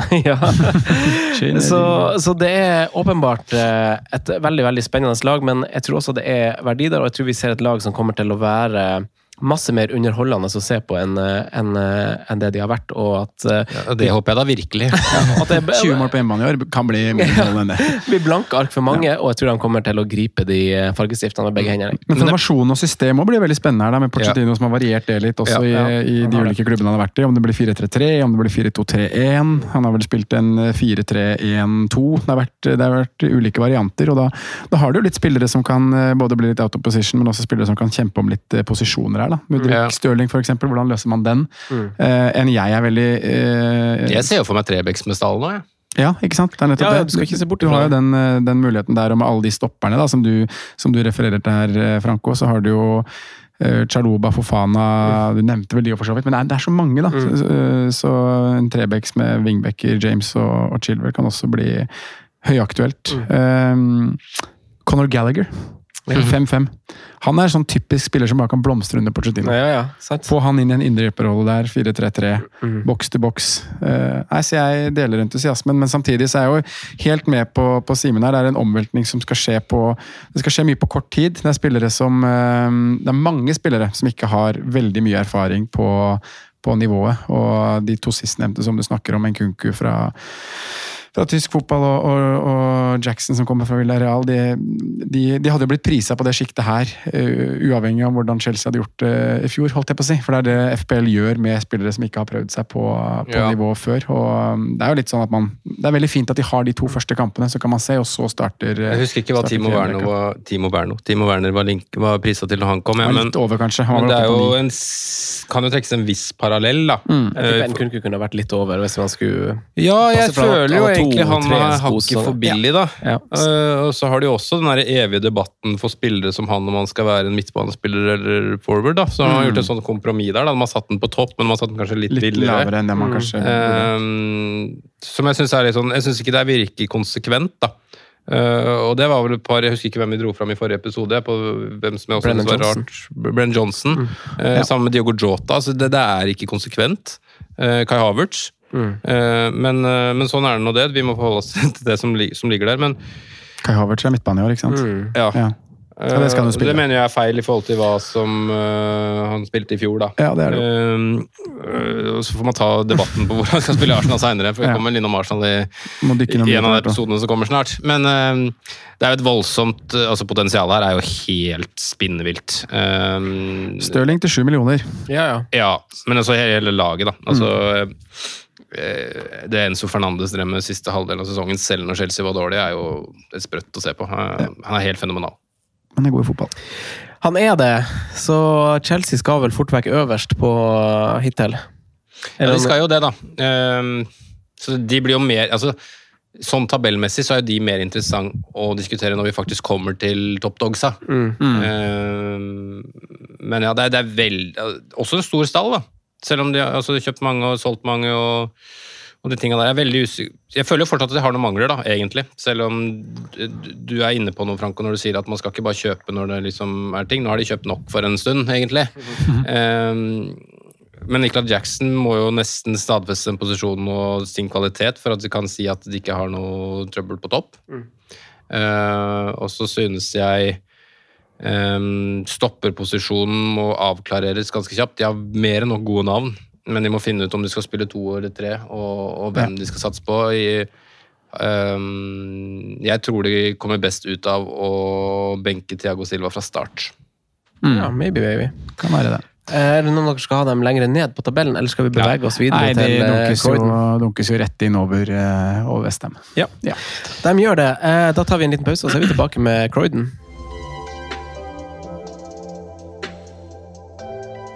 Samurai han har sagt ja til å fortsette Det er så deilig. Ja, da har vi han med videre. Og da er det jo enkelte mus som eh, danser på bordet, Sondre. Ja, det kan du si.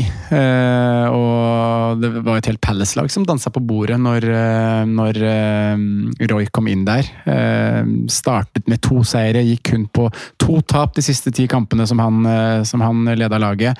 Eh, og det er det som er artig, da, og, og egentlig ganske bemerkelsesverdig når man tenker på Roy Hodgson og, og det han står for. Det var da at Palace fikk utløsning når han kom inn. Det var jo da de, de hadde slitt gjennom hele året med, med å skåre mål. Hadde egentlig en ganske lav XG. og og, og, og sleit offensivt. Eh, når Roy Hodgson kom inn, så, så, eksploderte det skikkelig. og Man kan jo si at timingen for inntoget hans òg var veldig fint. Eh, han eh, tok over eh, Det var en periode, jeg husker ikke akkurat rekkefølgen på det, men jeg hadde vært igjennom kamper mot Arsenal, City, eh, mange av topp seks-laga. Um, bytte manager, Roy Hodgson får rekka Leicester, Leeds, Saints um, i, de, i de tre neste kampene. Eh, Skåra 18 mål på de åtte siste kampene, og hadde også ganske gode defensive tall. Så, så det ble et år til, gitt. Det ble det. Ny ettårskontrakt og liksom tilbake igjen, da. Etter, vi snakka jo om Palace her i en av de foregående episodene, hvordan de har, de har prøvd med omveltning. De har vært innom De Boer, de har vært innom Vieira, de har prøvd å forandre litt på, på, på spillsystem og, og måten å spille fotball på. Nå kom jo Roy Hodgson inn og videreførte mye av det Patrick Vieira hadde etablert. Spilte en 4-2-3, 4-3-3-formasjon. Og, og, ville spille offensiv fotball. I tillegg da, til at han klarte å, å, å, tette ganske bra igjen defensivt. De hadde ganske gode tall siste halvdel av sesongen under, under Roy. Siste seks hjemmekampene så var det det laget som, som var tredje best på store sjanser imot. De hadde den fjerde laveste XG-en, og de var faktisk det laget som slapp til færrest skudd i, i boks av alle, da. Så det er det vi ser for oss også, inn i kommende sesong. At vi, vi skal tilbake til et Palace som, som skal prøve å, å, være godt organisert defensivt. Men da så har de en del spillere som er veldig spennende, og vi, vi snakker jo ofte om uh, lekegrinda. Og refererer til den med, med, med spillere som uh, som har en X-faktor. Eh, nå er jo en av de gått ut portene. Eh, det har seg sånn at eh, Wilfred Saha står uten klubb per, per dags dato. Så, så, han er jo på en måte det Odds på at han går til Saudi-Arabia? Ja, den er ikke, Du skal ikke få høy odds som er der. Men han er jo på en måte borte da, i den, i den treenigheten med, med lekegrindspillere som har vært Saha, Ese og Olise. Så har det vært en spiss som har rullert litt på været foran de. I tillegg til det på overgangsfronten så har vi jo nevnt det, at Jefferson Lerma har kommet inn som i det som ser ut som en veldig god eh, signering. Eh, at de klarer å snappe ham på, på, på free transfer. Så, så, tok vi litt om det når vi snakka om Bournemouth, at det er, det er, en god signering, men det er også en signering som Palace klarer å gjøre. da. Så, så det sier jo kanskje litt om, om at um, hadde det vært helt opp notch, så hadde kanskje klubber i, i sjiktet over Palace igjen vært og signert der, men, eller snust der. Men jeg er veldig enig med deg, Simen, at det ser ut som en, en terning seks-signering for Crystal Palace uh, der per dags dato.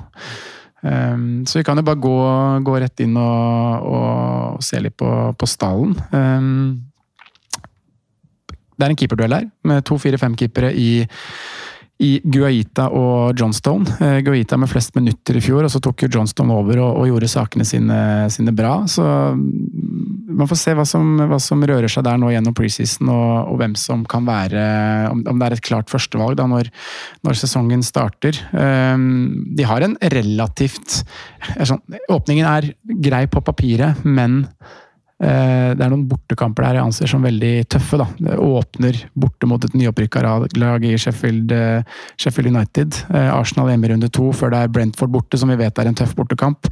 Så kommer det en rekke med, med Wolverhampton, Villa, Fulham. så det er litt opp og ned. Eh, kanskje ikke et program som skriker keeper eller, eller defensive valg, men heller lag da som kanskje kanskje kan være innbydende for noe offensivt, eh, som vi kan touche litt innom eh, etterpå. Um, Bekkerekka er jo Det er jo mange 4-5-navn der, hvor ingen av de egentlig skiller seg noe særlig ut eh, eh, som offensive trusler.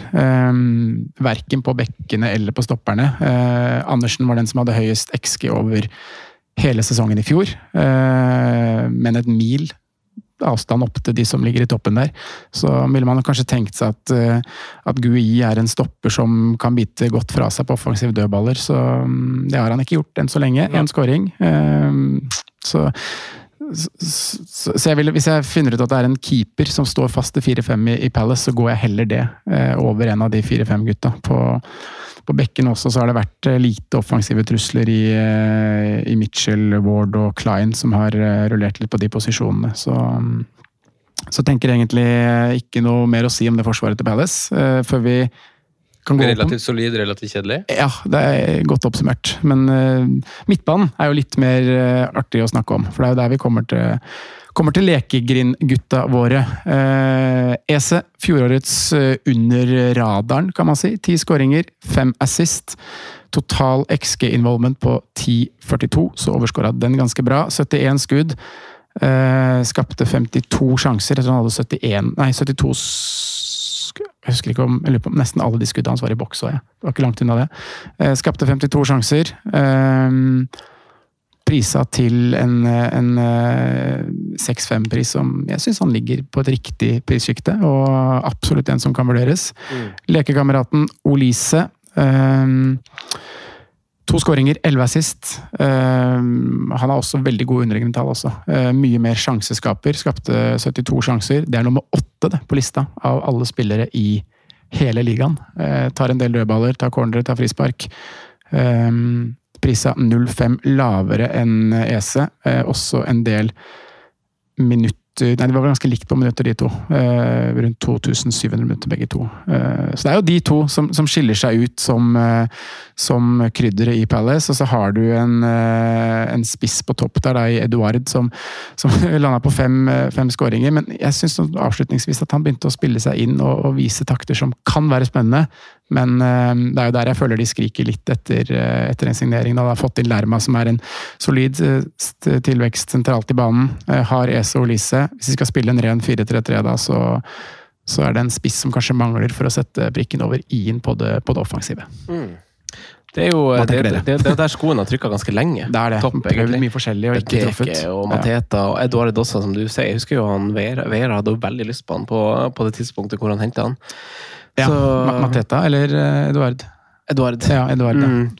Uh, nei, det, det, Men er det et lag som kanskje er snakka om litt for lite liksom, innad i miljøet, med tanke på uh, programmet de har i starten? Ja, men som jeg sa, da, så syns jeg ikke, jeg synes, det, jeg synes ikke det er, så fint, egentlig. Synes det er ganske tøft, altså. Nei, jeg, jeg, står for det. altså, at Jeg mener at Sheffield United borte og Brentford borte er to tøffe bortekamper. Arsenal ja. ja, så kommer Aston Villa borte også i runde fem, ja. Wolverhampton i fire er veldig fint, da. Men um, Nei, jeg, det blir litt at de Når prisene er som de er da på ESE og Lise 6-5, 6 blank, de vurderes, men de detter bak en del andre spillere vi skal snakke om i neste, neste episode. Mm. Programmet fra 8 til 15 syns jeg ser veldig Palace-aktig ut. Um, det er én tøff der med Newcastle borte inn i miks der, men resten ser det ut som ganske fine program. og en periode hvor jeg tror Palace kan bite godt fra seg. Så er det noen mm. av de kampene i starten som er fine, men jeg synes, er enig med deg, Sondre. Sheffield borte i første er kanskje nå det verste, nå verste timinga på å møte et nyopprykka lag. Mm. Brentford borte er seigt. Aston Villa borte er seigt. 150 kroner. Mm. Sa jeg uten United nå igjen? Jeg tror det. Ja. Jeg bare tar det for godfisk at du hørte rett. Franco. så kommer så kommer det til liksom, troppen og den du har gått igjennom, og de tingene der, da. Så synes jeg den uh, bakre sjueren uh, nå, den ser veldig, veldig bra ut. Uh, for et lag som ligger rundt Crystal Palace sitt område, med, mm. med den grå, kjedelige backrekka, med, med Lerma Dokoré i et skjold foran. Mm. Um, ønsker meg Dokoré er jo fort vekk. Ja, det blir jo spennende å se om det blir 4-2-3, en fortsettelse på det, eller om det blir tilbake til 4-3-3. Mm. Men du kan bruke altså Det vil jo bli ish det samme uansett, bare at en av de får litt friere til, til, mm. til, å flate oppover. Mm. Men Dokoré er god. Det jeg ønsker meg, er at de erstatter nå Saha med en ny, ung, livlig som kan bli med i den lekegrinda til EC og Mm. Olysée. Mm. Få inn den som den siste prikken på midten. Kanskje sammen med en spiss, da, men de har jo på en måte to spisser som jeg mener er ok. Ehm, og så kanskje, som du var inne på også, kjøpe en høyrebekk. Ja. Så ser dette laget her eh, veldig, veldig morsomt ut. Enig. Sånn fra start, så jeg, jeg er veldig eh, gira på en, jeg, Eller jeg kan bli veldig gira på en keeper derfra. Hvis vi Ja. finner ut hvem av de fire-fem keeperne som står fast, så ser jeg at det kan bli det er kanskje det beste hvis man skulle lande noe, noe der. Ja, jeg tror egentlig det, altså. Da kan det, kan det bli noe. Har du noen inne fra Crystal Palace i de tidligere drafts? Jeg har hatt GUI inne, Du har det, ja? men det var bare Passa kanskje i rotasjonen? Jeg lurer på om det var første draft jeg dere, det er jo, De har jo kun London-baserte kamper, de fire første, men det er jo ikke veldig sånn gunstige. Jeg er jo faktisk enig med dere, dere snur meg på den. Mm. Uh, nei, det, det er kanskje et vent og se med dem også. Altså, det er kanskje Jeg har faktisk ikke sett inn i det draftet som er nå, da. Men Ja. ehm, syns han, også han blir jo da veldig veid opp mot ikke sant? Vi, vi har snakka om Gibbs White, vi skal snakke om eh, en del. en del Hele andre. Chelsea- ja, Vi trenger ikke å nevne de, men det er veldig mange som ligger fra seks til åtte, da, som er, som er superfine valg. Mm. Um, men ja, han gikk under radaren i fjor, altså godeste Jesse, uten at man Jeg tror aldri hadde den inne, men ti skåringer og fem assist, det det er bra tall. skåre mål. Man blir jo litt skremt av dårlige kampprogram, men det burde kanskje først og fremst være med defensive øyne, fordi lag skårer jo mål også mot gode lag Mm. videre. Så er EC sånn kanskje, ja. Er kanskje straffeskytter òg, eller? Ja, det får vi jo Litt avhengig av hvilken spiss som er på banen. Og, Milivojevic er borte, og Saha Ja, kanskje borte på vei bort der. Og, ja, kanskje. Hvem veit. Eh, skal vi plassere dem på tabellen da, gutta?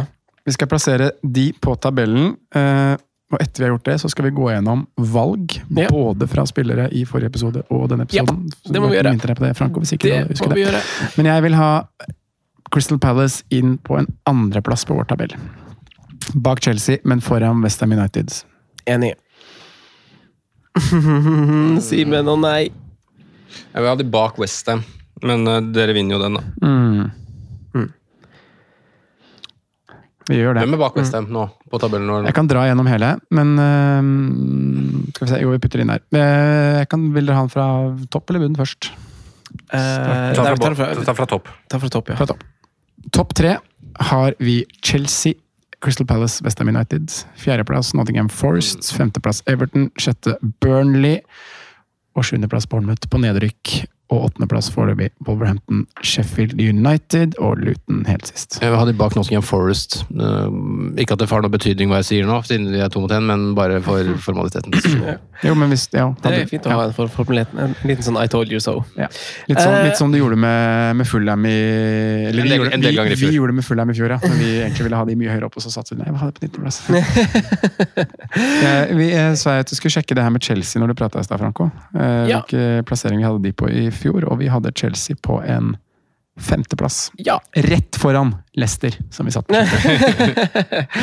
Hvordan uh, skulle vi gjøre det med spillere? Vi må ta fra første episode. òg. Vi skal velge en keeper, og en forsvarer, en midtbane og en angrepsspiller. Og da fra første episode er det da Luton, Sheffield United, uh, Burnley, Everton og Forest. Mm. Ja. Uh, hva er premisset for Er det Ja, fra er, start, eller er det liksom Sesongbasis eller Det er start. sesong. Skal vi ta sesong? Mm. Ja. ok. okay. Keeper, eh, Simen, fra Jordan Pickford. Ja. Ja, backer jo den. tre Pickfords. Eh, forsvarer.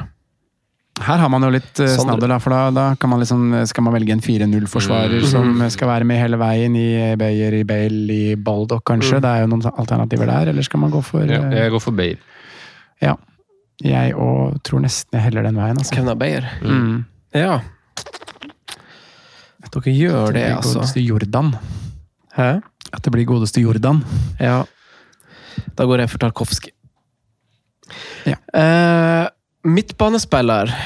Har vi samme mann? Gibbs White. Det Gibbs White. Morgan Gibbs White. En Ja. god nummer to der, da. Hvis vi er ganske klink Ja. på den, skal vi prøve å dra ut en eh, en, en god nummer to på midtbanen. Da, yes. Johnson. ja, da blir det, det blir faktisk Brennan Johnson, det. Da sier jeg Manuel Benson, jeg. I, Ja. eh, i Burnley. Som kan være en joker. Han er, han er 0,5 for dyr, da, egentlig. Han burde jo vært Han er prisa på potensial og på veldig mange mål på veldig få minutter. På topp er det kanskje litt mer spennende, da, gutta. Jeg må gå til min mann uh, Ndiaye i eh, Sheffield United, da. Ja. Det blir Du må jo til din mann i Luton. nei, det blir ikke Carlton Morris. Hæ? Blir det ikke det? Eller Jo, jeg kan ta han. Jeg vil ikke ha Kevin Lewin, så jeg kan ta han. Hvem vil du ha, Sondre? Du, jeg tror jeg bare går til min mann igjen. Han er for dyr, da, men eh, Taivo Avony Mm. syns jeg er eh, Han du nevnte du i fjor òg. Sabla frekk, opp. frekk type. Og så er det jo litt mer kanskje Fra, dag, fra denne episoden. Mm. Episode to. Fire spillere fra Chelsea der, da. Bournemouth, Westham, Bournemouth, West Ham, Wolves, Chelsea, Palace. Ja, det kan fort bli Chelsea-tungt, altså. Ja, det kan dessverre det. Keeper Areola. Ja, den er jo Tar vi en liten sjanse på at han starter til fire blank. Eller så blir det jo fire-fem keepere som står i Palace. Ja, det gjør det. John, Sto John Stone.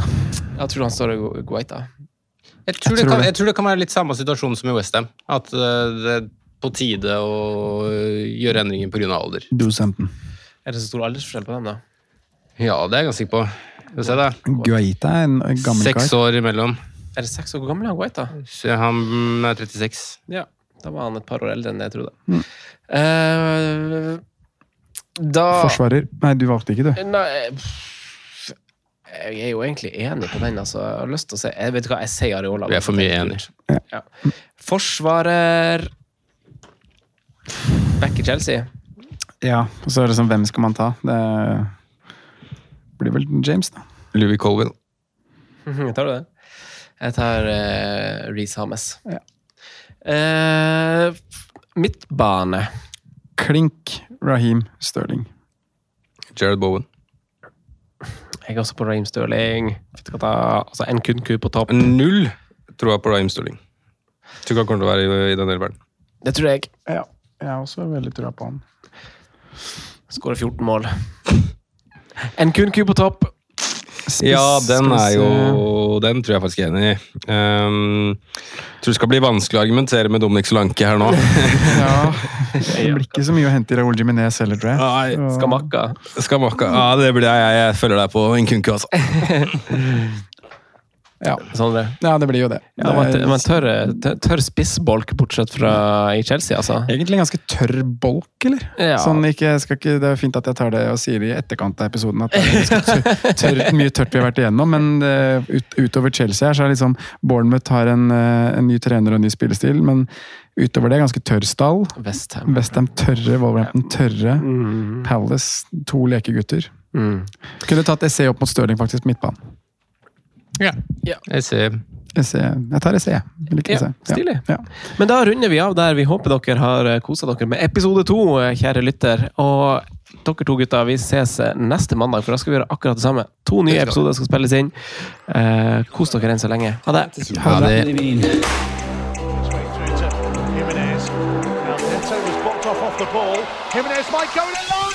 evening.